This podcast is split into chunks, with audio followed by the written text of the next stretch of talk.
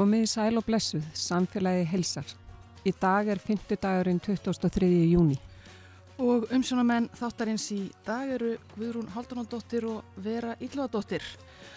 Og uh, í dag ætlum við að kynna okkur þjónustu sem hefur verið í þróun núna í nokkur ár sem að kallast Piccolo. Þetta er verkefni sem snýst um að koma upp afhendingar stöðvum við stóra vinnustadi og í hverfum borgarinnar þangað sem að fólk getur sótt matvörur sem það kaupir á netinu. Prófanir með þetta eru í gangi þessa dagana og fyrsta stöðin, fyrsta Piccolo stöðin verður opnuð með haustinu. Ragnar Margret Guðmundsdóttir er stopnandi Piccolo og hún ætlar að segja okkur betur frá þessu á eftir. Jónsmessunótt er svo nótt kalluð sem er aðfaranótt Jónsmessu 24. júni. Alls konar síður og þjóðtrú tengjast Jónsmessunni og það er alltaf mikið um að vera hjá útivist í tengslu við hana. Skúli Haugur Skúlason, frangvæntastjóri útvistar, kemur hinga til okkur á eftir og segir okkur frá því sem er framundan hjá félaginu. Síðan verður ruslarappið á sínum stað og eins flytur Hafdís Hanna Ægistóttir okkur pistil um sjálfbærni. En við ætlum að byrja á Piccolo og uh, Guðmundur Pálsson tekur við.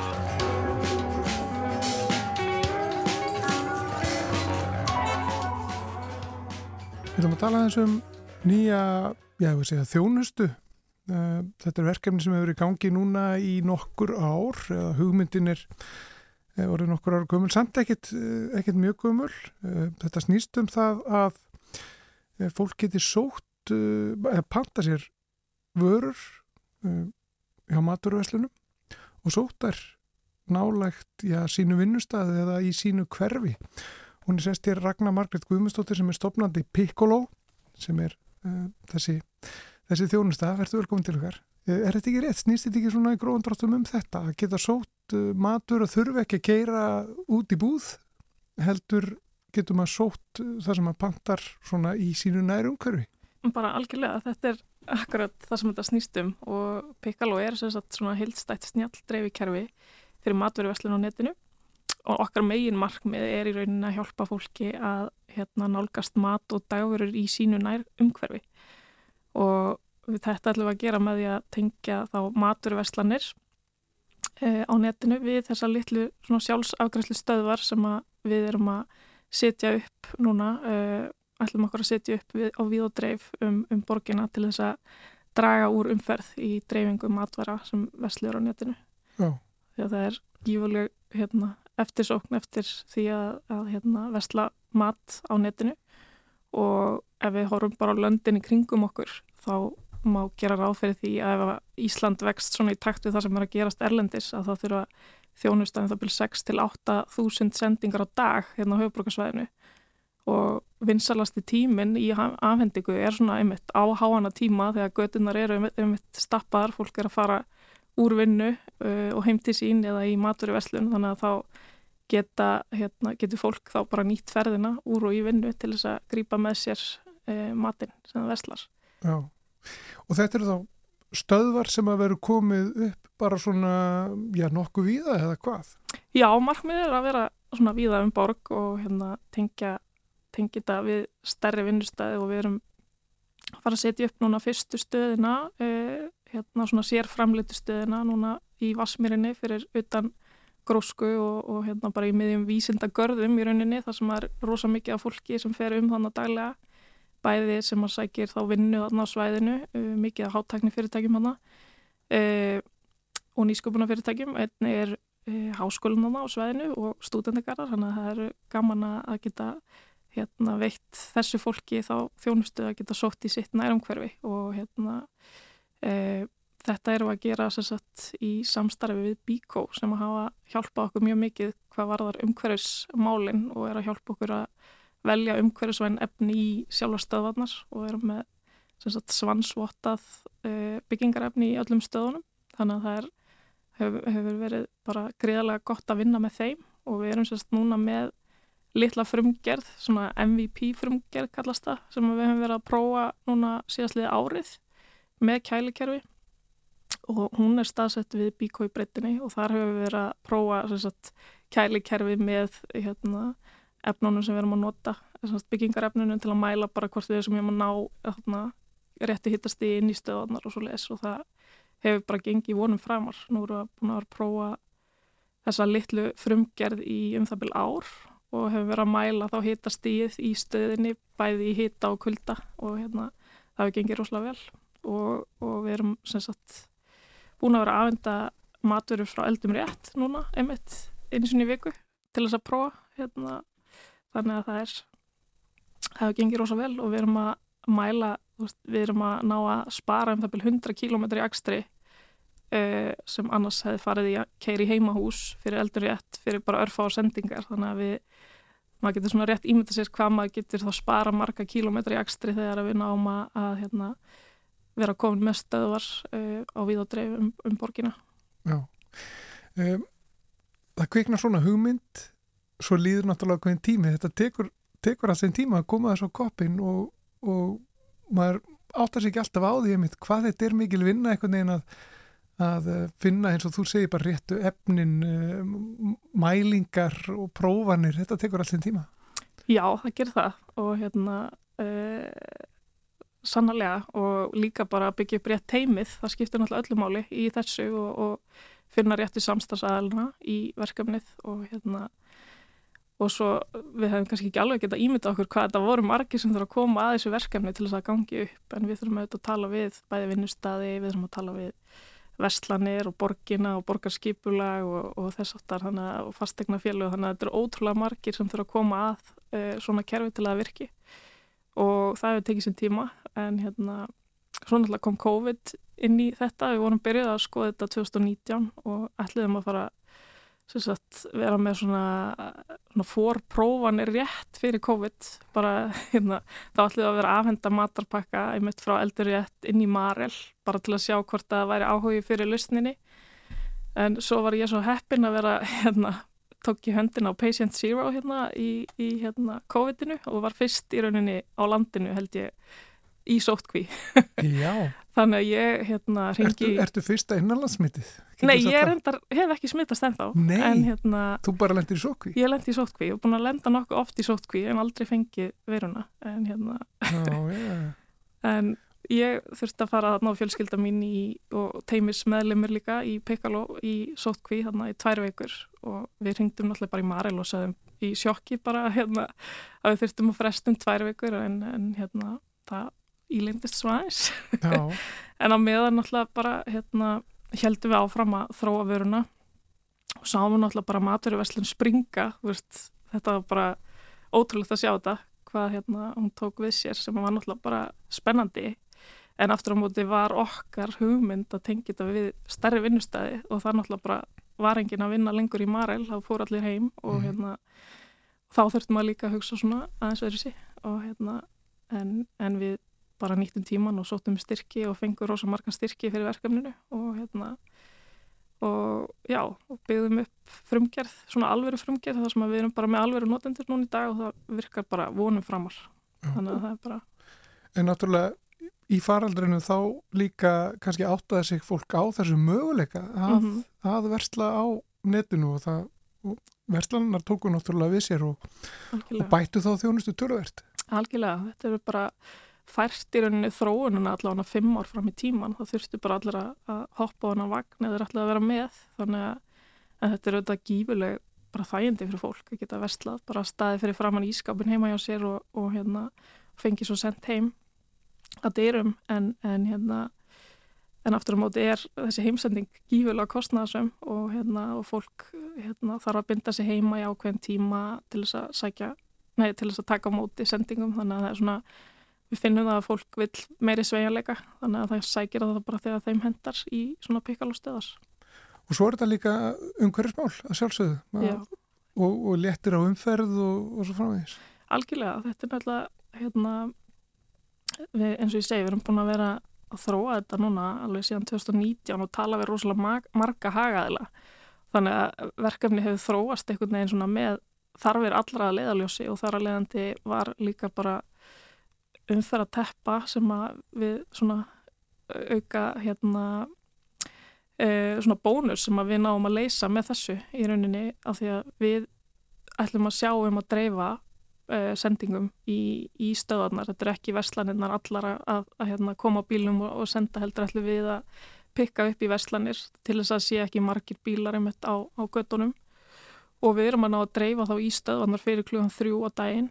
Það er okkar markmið að, hérna, að vera þá fyrir umferða, helstu umferðateppuna eftir, eftir þrjú og einni þannig að við erum að spara rosa mikið fyrir verslanina en líka bara hérna almenna neytanda sem að hérna, getur þá slefti að fara þess að auka ferði í búðina eftir vinnu eða, eða hérna og nýtir þá hérna ferðina til og frá vinnu til þess að, að, að hérna sækja matveru í leðinni. Mm. Þannig að það er, það er hérna samkvæmt könnun þá eru 55% af ferðum fólks til og frá vinnu að og fólk er að fara cirka fjórar ferðir á dag minni mig Eh, þannig að við erum þá að taka út eitt lið Já. Hvernig gengur að skipulegja þetta svona átt að segja á því hvar staðsendingar eru bestar þið ljóta að hugsa þetta út úr því hvar svona já, flestir eru kannski eða finna, finna stað þar sem þið getur drift sem flestum? Algjörlega, þetta er ótrúlega spennandi Flestum verum Já, við erum sérst í samstarfi við hérna profesor eh, Tómas Filip í verkfræðadelt Háskóla Íslands sem er profesor í bestunafræðum og hérna hann og ásamt tveimur hugbúna verkfræði nefnum eru í sumar einmitt að hjálpa okkur að búa til svona eh, kortlækning á því hvar er gott að staðsetja svona stöðvar með tilliti til umferðar þá og einmitt að taka inn í hvert fólk er að fara og hvar þessi stóru vinnustæðir eru, hvar stóru íbúakjarnar eru og, og þess aftar og hérna þannig að í sumar eru við að vinna bara eh, stöðut að því að, að kortlækja það Já. Þannig að það er ótrúlega spennandi. Við erum auðvitað búin að kortleggja hérna ímsa staði en, en svo er bara spennandi hvort við getum þá bakkaði upp með gögnum og hérna að því að svo líka sko e, að maður skoða hvert fólk er að fara e, þá viljum við kannski ekki endilega vera að staðsitja stöð eins og út á granda, fólk eru auðvitað að sækja þangað í vestlun, við viljum kannski frekar bara fólk sleppiði að fara þangað. Getið þá e, frekar sótt þetta í sitt nærumhverfi og hérna þannig að það er svona ímislegt sko kannski sem að gögn geta ekki bara hjálpa okkur heldur það maður líka svolítið að setja sér í spór fólk, hérna, fólksins sem, a, sem á að nýta þetta en hérna já þannig að það er bara spennandi að, að gera þetta já. í samstarfi við svona sérfrænga En gerir þér áfyrir að þetta verði margar vestlanir sem eru tilbúin til að taka þetta? Já, við viljum bara vera opinn fyrir alla þetta sé plattform sem allir geta nýtt sér það er svona okkar markmið að þú getur bara verslaði þinni uppáhaldsverslun og, og hérna sótt síðan í, í þitt nærumhverfi. Þannig að og líka sko er þetta kífilega spennandi fyrir minni verslanir sem að hérna eru kannski bara með eina verslun en, en vilja ná til fleira fólks þá með þessu en það er kífilega dýrt að halda út í dreifikerfi. Þegar þú ert bara einlítin verslun þá hérna e, þá er þetta bara gríða, gríðarlega dýrt fyrir fólk og hérna þannig að þetta, þannig erum við að hjálpa svolítið svona kaupmannu og hodninu að koma aftur á hodni hjá fólki mm -hmm. með hjálp svona starrandu þróunar Já, og þetta er hvernig, hvernig verður þetta leist tæknilega? Er, er, er það er það bara uh, samtengt einhvern veginn pöntunarkerfum uh, verslanuna eða Já. Er þið verslaðið gegnum ykkur? Er þið, er þið með sérstakt app eða eitthvað slíkt? Nei, það er til að byrja með verður þetta bara valmöguleiki inni hjá verslunum að sækja í Pekaló bara eins og maður er honum vanur að sjá með eins og bara hefðbundin postbox eða þannig en við ætlum samt, við erum með uh, mjög stert hérna hugbúna teimi sem er búin að þróa núna laust þannig að verði rosalega einfalt fyrir verslanir að innlega þetta inn í sín kerfi og þau eru auðvitað mjög mismunandi þannig að það þarf svolítið aðlaða að hverju kerfi fyrir sig en hérna þetta til að byrja með verður þetta allavega bara inn, sem valmöguleiki inn í hjá verslunum mm -hmm. en reyndar hefur alveg verið ákall frá minni verslunum að það er vilja kannski ekkert endilega að þurfa að halda út í sinni eigin netverslun að þeim finnst líka gott að, að tengja sig við eh, eitthvað eins og Piccolo og geta þá bara að hugsa um það að vera með framúrskarandi vöru og við sjáum það bara um rest og það þurfum ekki að vera að hugsa um að vera með hérna netverslun en það er svona framtíðar þá hérna, e, framtíðar pælgar um, Þetta er náttúrulega sko, þetta er það sem við myndum kalla sprota fyrirtæki uh, og þetta er líka það sem að þú ert á þar sem við kallum uh, frumkvöðul og, og, og þetta er nýsköpun. Uh, þetta er þessi svona þessi húttök sem við erum uh, mikið að ræða uh, um þessar myndir, svona þessa dagana. Um, hvernig er það ferli, hvernig er umhverfið fyrir um, sprotafyrirtæki, fyrir frumkvöla eins og þig sem fær svona hugmynd um, hvernig, einhvern veginn já, hvað gerist? Þú fær hugmynd þú byrjar að hugsa og hvað gerist svo?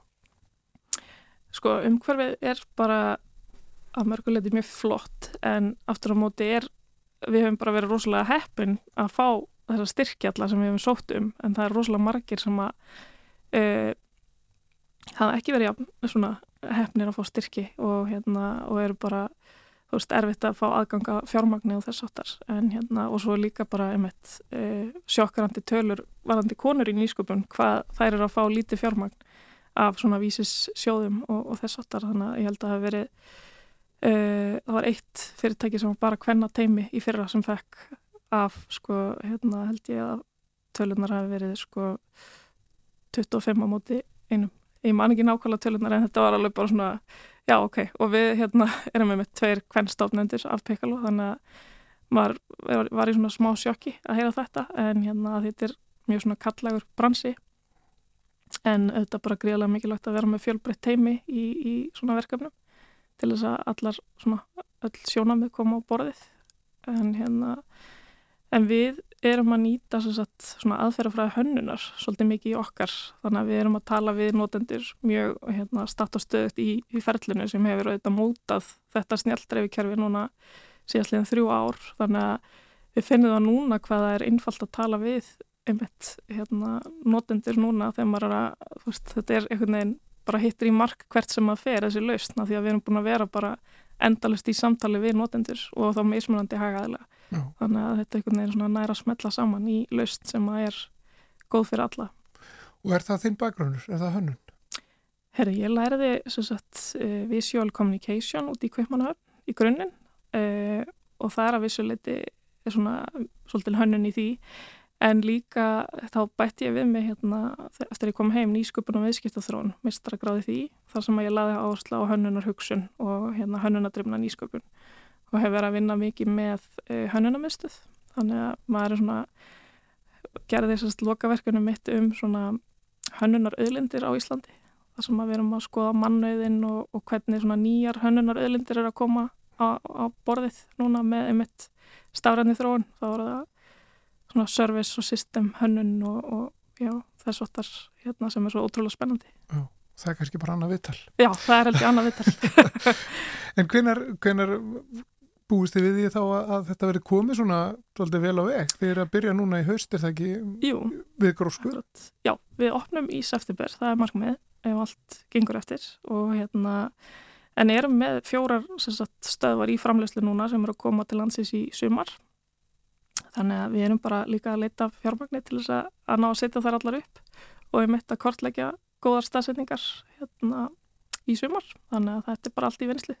Já, ég veit að Ragnar Margret Guðmundsdóttir stofnandi Piccolo. Uh, takk fyrir spjallið og það voru gaman að fylgjast með þessu og það er hægt að skoða piccolo.is og fá svona aðeins að, að skoða betur hugmyndina ef maður hefur áhuga því. Endilega. Takk, takk fyrir komana.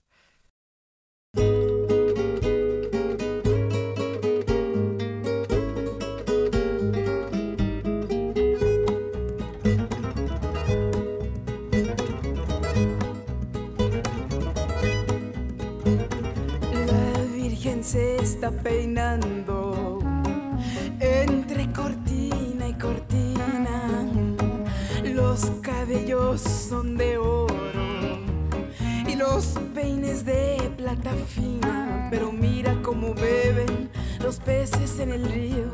Pero mira cómo beben por ver a Dios nacido. Beben y beben y vuelven a beber los peces en el agua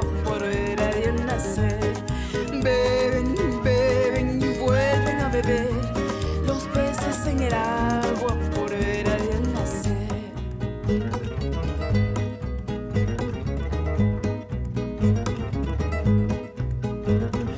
La Virgen va caminando y va caminando solita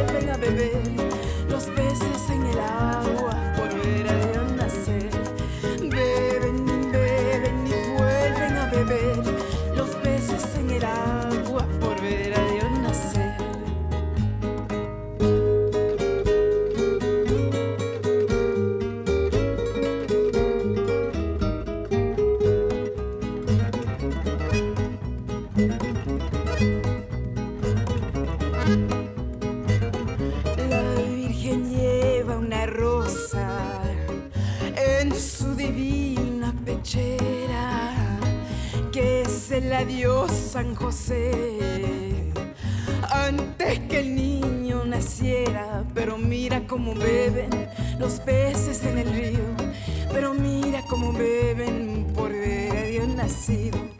Beben y beben y vuelven a beber los peces en el agua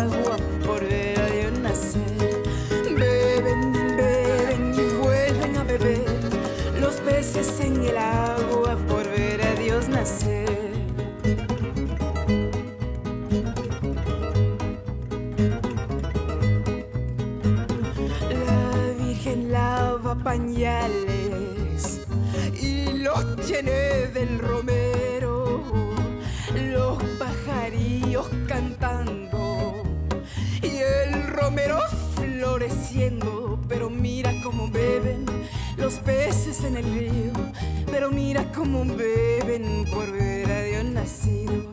Beben beben y vuelven a beber los peces en el agua por ver a Dios nacer. Beben, beben y vuelven a beber los peces en el agua por ver a Dios nacer. Beben beben y vuelven a beber los peces en el agua por ver a Dios nacer. Það var söngkunan Lasa, Lasa de Sela sem að þarna söngum uh, fiskana Los Peces en uh, við ætlum í aðra sálma við ætlum að heyra Ruslarabbið.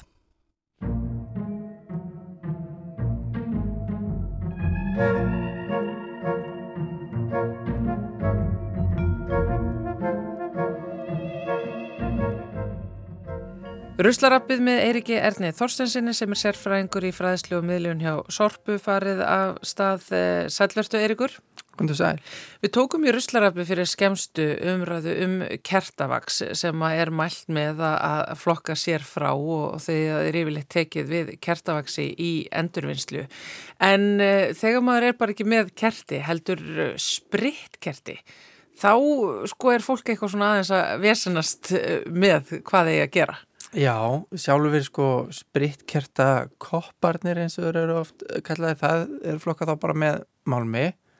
Uh, og oft er fólk að veltaði fyrir sig hvort það þurfa að reynsa kertavaksið ef það er einhver svona leifar Já, hvort það þurfa að reynsa það sérstaklega úr. Um, það er í raun og veru óþarfi út af því að þetta kertavaks ætti þá að bara brenna auðvitað upp þegar málmurinn er svo endurunnin. Já, þannig að svona litlar leifar af kertavaksi það, það ætti verið lægi að það færi með já, ég hef alltaf einhvern veginn verið að reyna að brjóta kertavaksið upp úr og kroppa í það þegar ég er að reyna að taka þessa koppa frá, en það er sem sagt ég get bara fara að sleppa því og setja þetta beint í málminn. Já, en svo er þetta eins og þú ert að, eins og þú ert að lýsa þessu þetta er náttúrulega líka bara mjög sniðt að að taka þetta kertavaks sem er eftir og setja ofan í eitthvað annað kerti og Já, já, já. lifa því að lifa lengur Já, já, já, maður, það er allt til í þessu. Þetta er allavega, sko, þetta mikla pill er ekki mjög nöðsynlegt. Nei, Gott að vita, það er ykkur að Tarsesson. Takk fyrir. takk fyrir mig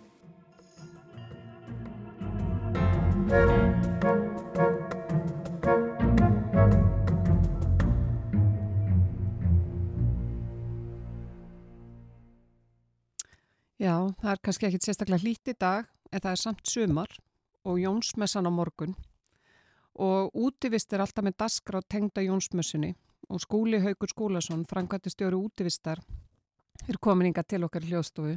Velkomin. Takk fyrir það. Jæja, er ekki heilmikið daskra á framundan á morgun og um helginni á ykkur? Jú, er, þetta er svona eiginlega, um, má segja svona, alltaf stærsti viðburinn hjá okkur hverju sumri. Sumari starta svolítið með þessu hjá okkur að, að hérna fara þessa Jónsmjössuferð. Þetta er eitthvað sem var, var hérna tekið upp á fyrir all nokkuð mörgum árum að fara svona næturgöngu yfir Fimmurháls á, á Jónsmessu og þetta er eiginlega bara þótt að skemmtilegt að við ekki vilja hætta því sko. Og er mikið þáttaka? Það er, já, fín þáttaka í ár. Það er eitthvað um, um 60 þáttakundur og svo, svo slatti að farastórum sem er að, að ganga í, í hálsin á, á staðfara náttúrulega þess og hérna og svo er heilmikið af fólki líka í kringum þetta alls saman sem að, að hérna, taka þátt í þessu með einum öðrum hætti. Og hvernig er það, nú er fólk svona mis, gengur það mishratt. Hvernig, hvernig er það, getur fólk bara farið á sínum hraða, er, er bara einhver ákveð, ákveði tempo? Það, það hérna, sko við búum svo vel þess að við erum með nokkuð marga farastura í ferðinni og um, ef einhver er svona hægari næri þá er bara búin til hægari hópur þannig að það getur svolítið svona að spila það eftir, eftir, eftir hendi sem er sko. En það er samt alveg sko rétt að, að hérna að taka fram að, að þetta er náttúrulega svona nætuganga, fólk er að koma kannski hérna um, ósofið í göngu eftir, eftir vinnudægjafnil sko. Þannig að, að þetta reynir alveg á sko. En, en þá er einmitt alveg eðlert að, að hérna þessi ekki allir á, á spýtti yfir hálsin sko. Þannig að við og þetta er, ég held að að hérna um, já, þetta sé svona með með þeim göngum yfir hálsin sem að fer svona hvað hægast við erum þetta með líka í sumar sérstaklega hægferð, það sem er bara beinlinni stílegin og það að, að fara rólega og njóta en hérna við erum ekkert að spana þess, þessa nótt sko.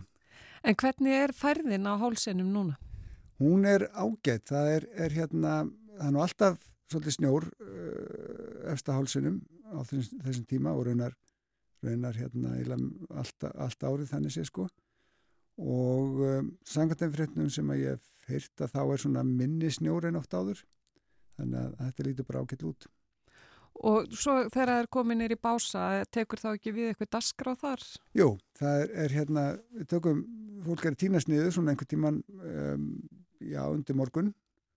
Og hérna um, og fær þá tíma til að leggja sig aðeins og kvíla en síðan erum við með á lögataskvöldi erum við með grillveslu helgjana grillveslu og, og svo er, er varðeldur eftir það og, og hérna og um, raunar, já, og svo tónleikar í, í kjölfæra því. Nú, byttu það er, er? hérna uh, Rúnar F. kemur til okkar og, og hann, hann er svona trúpadur hann verður að spila eitthvað svona fram á eitthvað svona fram á eftirnúttu eða fram eftir kvöldi. Og er það þá út í tónleikar eða? Nei, hann verður inn í, við erum með svona e, lítið e, hús, hringlega hús sem að, að hérna hann verður í og, og spilar þar. Og hvað, hérna, hvernig er svona í sumar, er, er, er mikið bókað í skálan hjá ykkur inn í básum? Það er mjög þett bókað í ár, það, það er hérna mjög góð bókun og hérna e, náttúrulega við erum að koma eftir koma til leiks aftur eftir COVID tíma sko þegar maður var svona svolítið sérstakt sko. En hérna en það er fín bókun og við erum bara vonað á fjöru og sumri. Og svo er alltaf sko bæði í skálan náttúrulega uh, mikið og svo, svo um helgar að þá fyllist tjálsvæðið af fólki. Þetta er stort og gott tjálsvæðið rúmar, rúmar mikið og, og hérna það er það geta verið þar alveg sko þúsund manns og maður finnur ekkert mikið fyrir því að kjarrið það feilur þetta svolítið og, og hérna þannig að það svæðið þákvæmlega stort þannig að það rúmar vel og, og hérna veist að verði fjölsótt í sumar. En þið eru með fleiri skála er það ekki hjá útvist? Já, við erum með, við erum með eitt skála upp á Fimmurhálsi, efst á hálsinum. Þar erum við með eitt skála og síðan erum við með nokkra skála inn á Fjallabæki e, Sveinstind og Skælingum og síðan, síðan á, á hérna, Strút og Alltafan Dalakóin sem er svolítið vestar en þeir þessi skálar. Og, um, og þessi skálar eru eiginlega byggðir upp svolítið með það í huga að, að tengja saman göngulegir eða, eða byggja upp göngulegir þeir eru hérna, settið með svona hæfilegum daglegum á milli. Reynda skálanir þannig sveinstind og skælingum og allt öðn, þetta eru gamlega gamlamannakofar sem voru gerðir upp og mjög skemmtilega nátt, þeir eru svona halda sínu gamla lægi um, og, og já, þeir mynda svona eiginlega keðju fyrir uh, þægilega göngulegir. Og eru þetta þá, sagt, og þá eru þið með skipilaðar ferðir á milli þessara skála? Já, já, einmitt. All nokkrar í, í sumar. Og hvernig er samsetningin í þessum ferðum? Það er svona, hvernig, menna, hvernig fólk, já. það er allavega, um, já, þetta er bara fjölbreyttur hópur. Þannig oft, sko, svona meðan að, að hérna fólk er með ungbönn og þá dettur það kannski svolítið út, sko, en, en kemur svo aftur, aftur inn þegar að börn eru fann að stoppast. Og, og hérna og svo eru náttúrulega einhverja ferði sem að, að henda bara ákveðlega að taka börn með. Til dæmis eins og agferðin yfir fimmur áls. En útlendingar, sækja þeir í ferðinar hjá okkur? Við e, stílum aðaleginu í Íslendinga, við erum náttúrulega bara ferðafélag og, og áhugamannafélag og erum með ferði fyrir okkar félagsmenn e, það eins og er ekki alveg e, óþögt að koma útlendingar í ferðir hjá okkur og þá er það oft þannig að, að þetta eru einhverjir sem er í einhverjum samskona félögum í, í sinni heimalandi leita okkur svolítið uppi og þá bara gerast þeir félagsmenn líka og, og, hérna, og eru þá velkomnir. Og þú getur alveg farið í ferð með útivist þótt þú sért ekki félagi í útivist? Já, nei, við setjum það sem skilir því. Við, það verða allir að gerast félagir en, en, hérna, en e, félagsgjaldir 8-4.000 ímislunundi uh, sem fylgjaði þannig að það setur yfirlega ekki í fólki að, að gerast félagi til þess að komast í verðinar. Já og kannski þá einmitt, þá hefur þú forganga þegar ekki á skála. Já, já. Gistingu. Einmitt. En eh, eru, eru það er þessi ferði við fimmur og háls núna á morgun eða sagt, að, aðra nótt. Já. En eru, eru margar ferðir yfir sumarið á, yfir fimmur og háls hjá okkur? Já, ég held að, að hérna yfirleitt flestar helgar eru við með ferðið við fimmurháls það sé ekki einhverjar fimm ferðir aðrar í sumar, fimm, sex kannski og, atna, og svo eru þið náttúrulega með sagt, alveg bara fram á haust er það ekki skálan að opna? Jú, jú. Það er svona um, básar eru opnir alveg vel fram í oktober um, og, og um, skálan er eina fjallabæki svona Mm, fra, út ágúst allavega sko. Og, og sjó er reyndar hægt að fá sko aðganga skálanum utan þess tíma sem þeir eru svona formulega opnir ef að hérna með bóka hjá okkur og, og fá þá bara líklega á. En er, er orðið fært? Það er, inn að fjallabæki er eh, ekki búið að opna allt en þá og, og ekki orðið fært. Þetta er eifild að gerast svona undir mánamótin Um, mér skilst að það sé nú svona uh, já það sé á getur leið en, en það er svona já það gæti verið eitthvað aðeins eftir mánamót sem að, sem að opna sko Í mannum mitt í fyrra var talað um alveg mjög mikinn snjó eins og inn í, í hérna, inn, á, inn á leiðinni millir landmannulegu og þósmörkur í rapptinnuskeri og svona en, en er minni snjóri í ár? E, það er voðalega misjæft eftir hvað það er. Eins og segja upp á fimmur árs er það heldur minna heldur en e, meðalári en hérna e, á vissum stöðum en að fjallabæk er tölvöld mikill snjór. Og annar staðar e, er það undan áallun sko þannig að þetta er svolítið, svolítið þetta fer svolítið bara eftir hvaða já, hvernig, hvernig hefur snjóað, hvernig vindáttin hefur verið og annað slíkt þannig að það getur já, getur verið svolítið breytilegt Og svo er stemt er það ekki á einhverja tónleika, stórtónleika í básum aðra helgi? Jú, einmitt. Þá, þá komaðu til okkar í Gós og eru að koma núna í e, fjörðarskipti held ég farið rétt með og hérna og þetta er alltaf gríðaleginsalt og við bara það er, það er eiginlega bara svona uppur áramótun sem við byrjum að fá símtul, kom ekki Gós í sumar sko og hérna fólk sem hefur verið áður og, og, og upplöðu þetta. Þetta er mjög þægileg og nótaleg stund. Tónlistin er að fellur alveg einstaklega vel að þessu falla umhverju og hérna uh, þannig að þetta er mjög mjög vinsælt vinsæl helgi hjá okkur helgin sem þau koma og svo verða fleiri tónleikar í sumar. Uh, fleiri, fleiri tónlistamenn sem að hafa, hafa uppgötað þetta og er að koma heimsækja okkur í sumar. Og er þetta bara út í guðskrætni náttúrunni sem sagt? Já, uh, við hérna fyrsta ári sem að þau koma þá, þá uh, byggðum við e, svið bara inn á miðri flöt á milli, milli skálana þannig að þetta er þar svona svolítið inn í góðri kvös og þannig er alltaf skjól gott, gott skjól hann á milli skálana og, og, og milli trjána og þeir, þeir tónleikar eru bara út í Guðskræti náttúrunni Þetta hljómar mjög vel skúli. Takk kærlega fyrir komuna til okkar hinga í hljóðstofu skúli Haugur Skúlason, frangvatastjóri út í Vestar. Takk sem leiðis.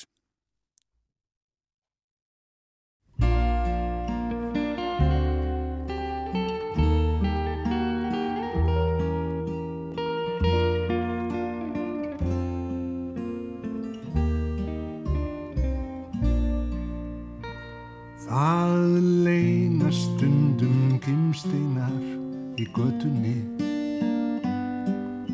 Þú getur fundið perlur víðast hvar.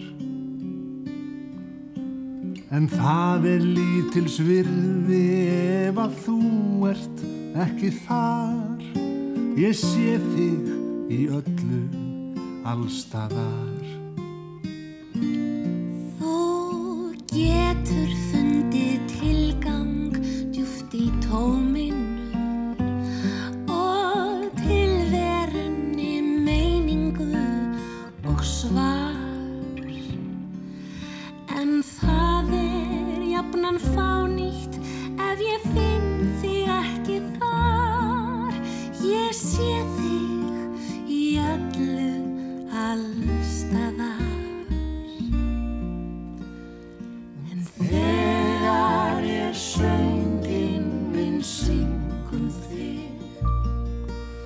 Ég sé þig í öllu í kringum mig. Í vel flestum af kýmum veraldar. Þar ert þú, þar ert þú, þú ert þar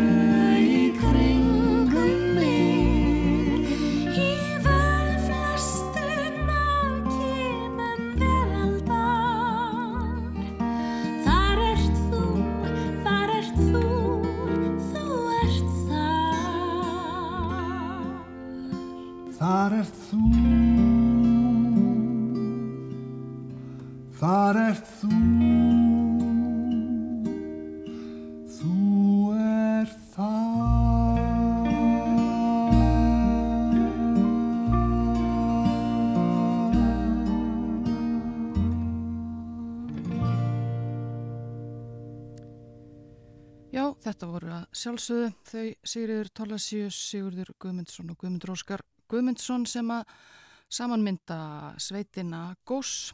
Eh, Við vorum að ræða við skúlahaug Skúlason, framkvæmdastjóra útivistar. En Gós uh, spilar í básum í Þórsmörk uh, um næstu helgi.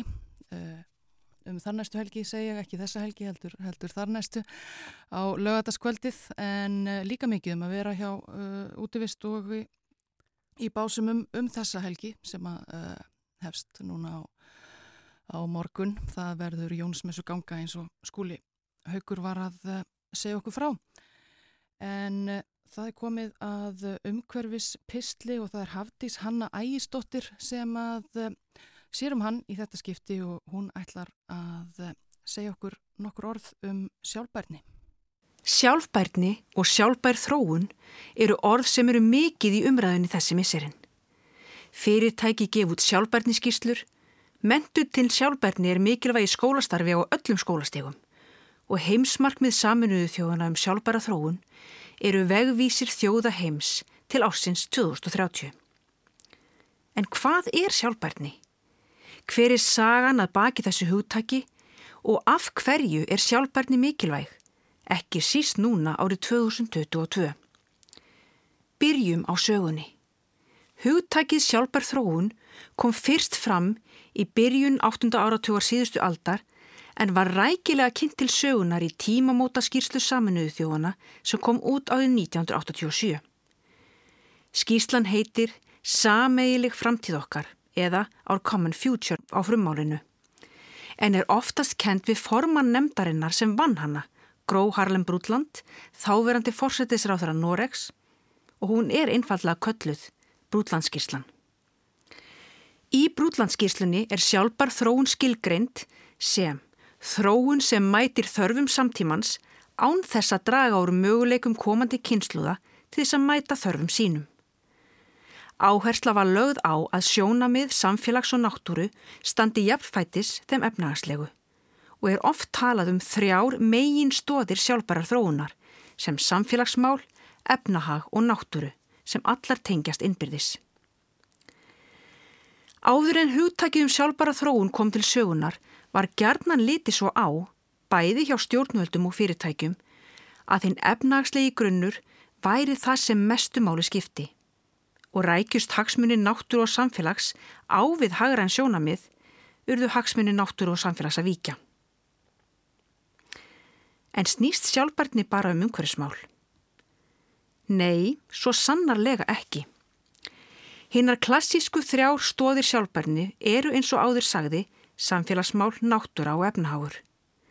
Á fyrstu árum umræðinar um sjálfbara þróun var lögð áhersla á að stóðirna þrjár væru allar jafn mikilvægar. Með aukinni þekkingu í fytningu tímans hefur sjálfbarni hugtæki þróast og er nú ljóst að efnagslegur vöxtur getur ekki farir út fyrir hinn endalugu mörg sem visskerfi jarðar setja okkur. Öðlindir jarðar eru takmarkaðar og með því að ofnýta þær röskum við viðkvæmu jafnvægi visskerfa á lofstás og jörðinni, eins og dæmin hafa sannað og við fáum nú daglega fréttir af víða úr heiminum. Náttúra og umhverfi eru vissulega undir staða þess að sjálfbarni verði náð. En það setur náttúran umsögum okkar mannfólksins mjög ákveðnar skorður, bæði í efnagslegu og félagslegu tilliti. En sjálfbarni er þrátt fyrir það mun við feðmara hugtak en að það snúist engöngu um náttúra umhverfi. Hugtaki snertir hilsu og velíðan, félagslegt réttlæti, menningarmál og efnagslíf. Sjálfbar þróun leggur áherslu á mikilvægi heildar sínar og langtíma hugsunar. Ekki skyndi ákvarðana og gróða.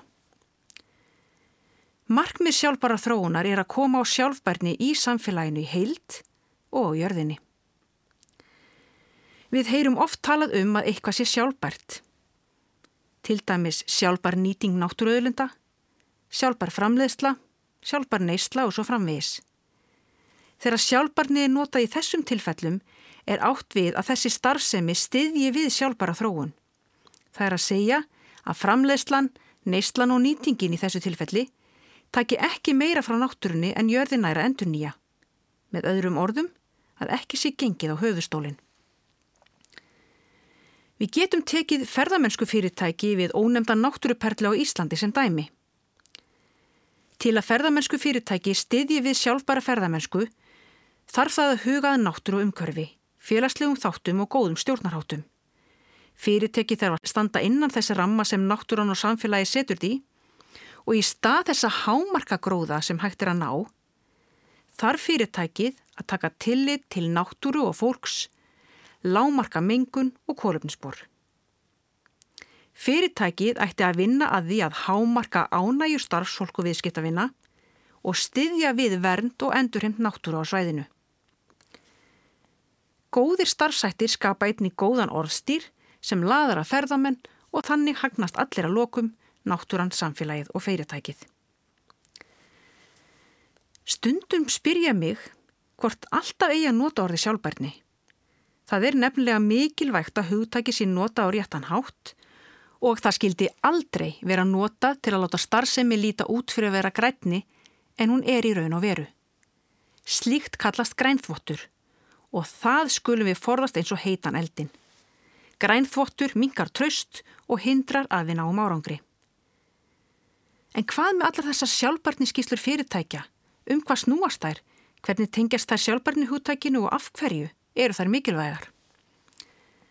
Á vefsíðu festu miðstöðurinn sjálfbarni, samfélagsábyrð.is, er þessum spurningum svarað á skýran og skilmerkilegan hátt. Árið 1984 skömmu eftir að sjálfbarni húttæki fjekk byrjundir báða vængi í kjölfar brútlandskíslunar, lagði fræðimadurinn John Erkington til að fyrirtæki byrtu uppgjör sem snýru ekki aðeins að efnagslegum hagnaði og tapi, heldur huguðu einnig að umhverfinu og samfélaginu. Á ennsku er talað um PN3, People, Planet, Profit. Nú hafa þessar áherslu verið útfærðar í svo kalladu UFS mælikvarða sem mörg fyrirtæki þekkja vel. En U stendur fyrir umhverfi, F-ið fyrir félagslega þætti og S-ið fyrir stjórnarhætti. Sínt hefur verið fram á að með því að huga þessum þrem þáttum í allir kjarnarstar sem við fyrirtækis og byrta trúðverðugt uppgjör, byggt á þeim laða fyrirtæki að sér starfsfólk, viðskiptavinni og fjárfesta og minga áhættu við rekstu til lengri tíma litið. Kaupallir víða um heim þrýsta nú á fyrirtæki að taka upp UFS mælikvarða í allri upplýsingagjöf. Þar á meðal er kaupallin hér á landi. Það að hafa góðan skilning á hugtökunum sjálfbarni og sjálfbæri þróun og vera tilbúin að hagnýta að þau er nöðsynlegt til að takast á við það risavöksnu áskoranir sem við stöndum nú frammefyrir. Hvort sem um er ræða lofslasamfarir, fátækt, stríð eða miskiptingu auðs. Áskoranir af þessum skala reyna mikið á okkur því það þarnast langtíma hugsunar og hildar sínar. Þessar áskorunni má flokka í það sem kalla má viðránleg vandamál og hins vegar illviðræðanleg vandamál eða wicked problems upp á ennska tungu. Á meðan viðræðanlegu vandamálin geta verið flókin og erfið viðöregnar þá er oft hægt að finna lausnir á þeim. Það er hægt að afmarka hvert vandamálið er og leita lausna. Að koma fólki til tungsins er dæmi um slíkt flókið en viðræðanlegt vandamál.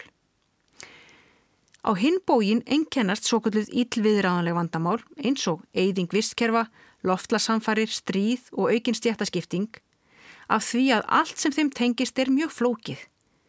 Bara það eitt að átta sig á umfangi vandans og ráðandi breytum getur eitt og sér verið æfintýrila snúið. Auk þess sem ein varalinn lausna vandanum er sjálfnast til. En vandamál eru til að leysa þau ekki satt. Ef við ætlum að leysa þessa stóru áskoranir, þá mun okkur takast það. Sá samtakamátti sem við sáum í COVID-faraldrinum sínir að við getum staðið saman, hlustað á vísindin og aðlagast hratt. Það er svo sannlega ekki upplýfganda að hlusta dag eftir dag að fréttir af stríði og hitabilgjum viða um heim. Hvað er til ráða?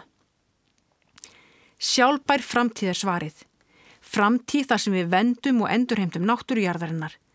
Þar sem mannréttind eru virt, félagslega réttindi í hávegum höfð og þar sem efnagslífi vinnum með umhverfis og félagslegum þáttum en ekki á mótið þeim. Við þurfum öll að taka þátt, þjóðir heims, lítil og stór fyrirtæki, félagarsamtök og einstaklingar.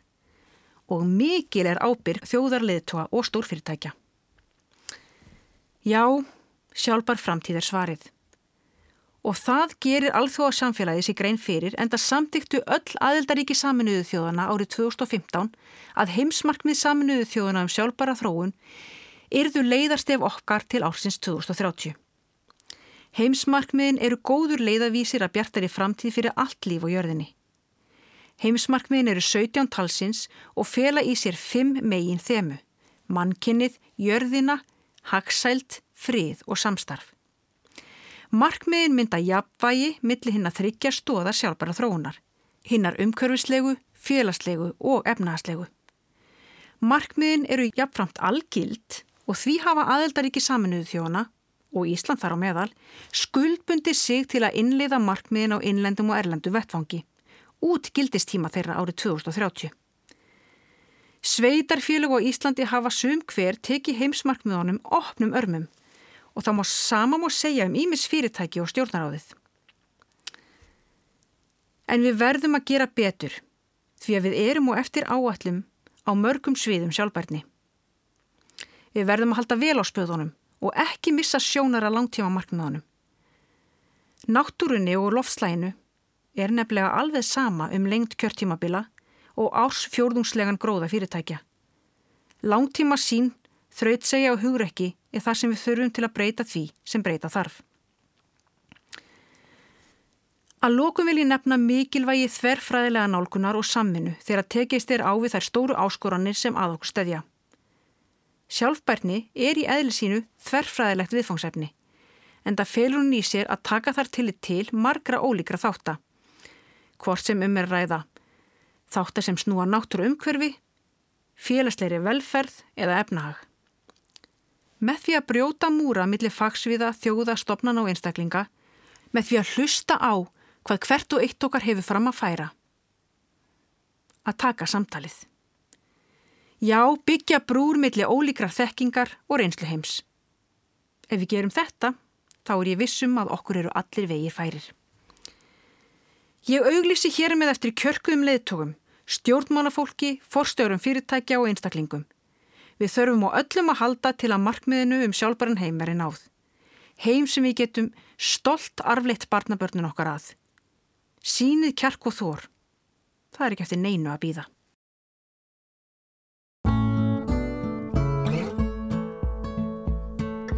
Blackbird singing in the dead of night. Take these broken wings and learn to fly. All your life, waiting for this moment to rise.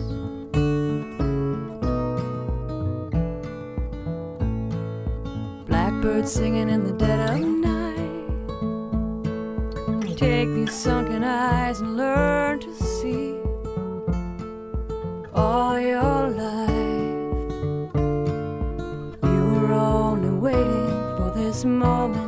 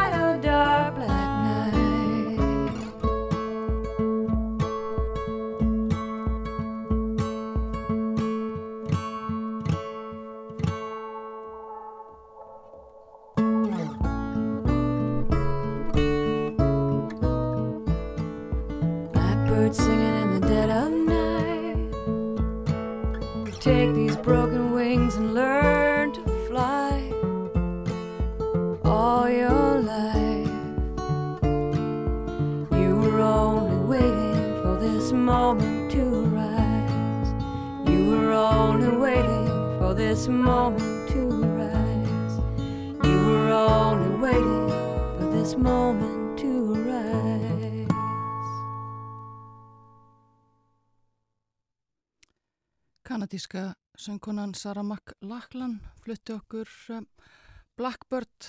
Þetta hljóðritaði hún árið 2002 en þar áður hlítum við á Hafdísi Hönnu Ægisdóttur flutti umhverfis pistil vikunar um uh, sjálfbærni og lísti eftir uh, kjörkuðum leðtúum til þess að kljást við já, þau margvíslu vandamál sem að tengjast sjálfbærni. En, en þetta verður nú ekki lengra hjá okkur í dag. Nei. Samfélagið, við kveðjum Guðrún Holdanadóttir og Vera Ætluðadóttir. Takk fyrir. Við verðum hér aftur með okkur að, með ykkur á morgun. Verðið sæl.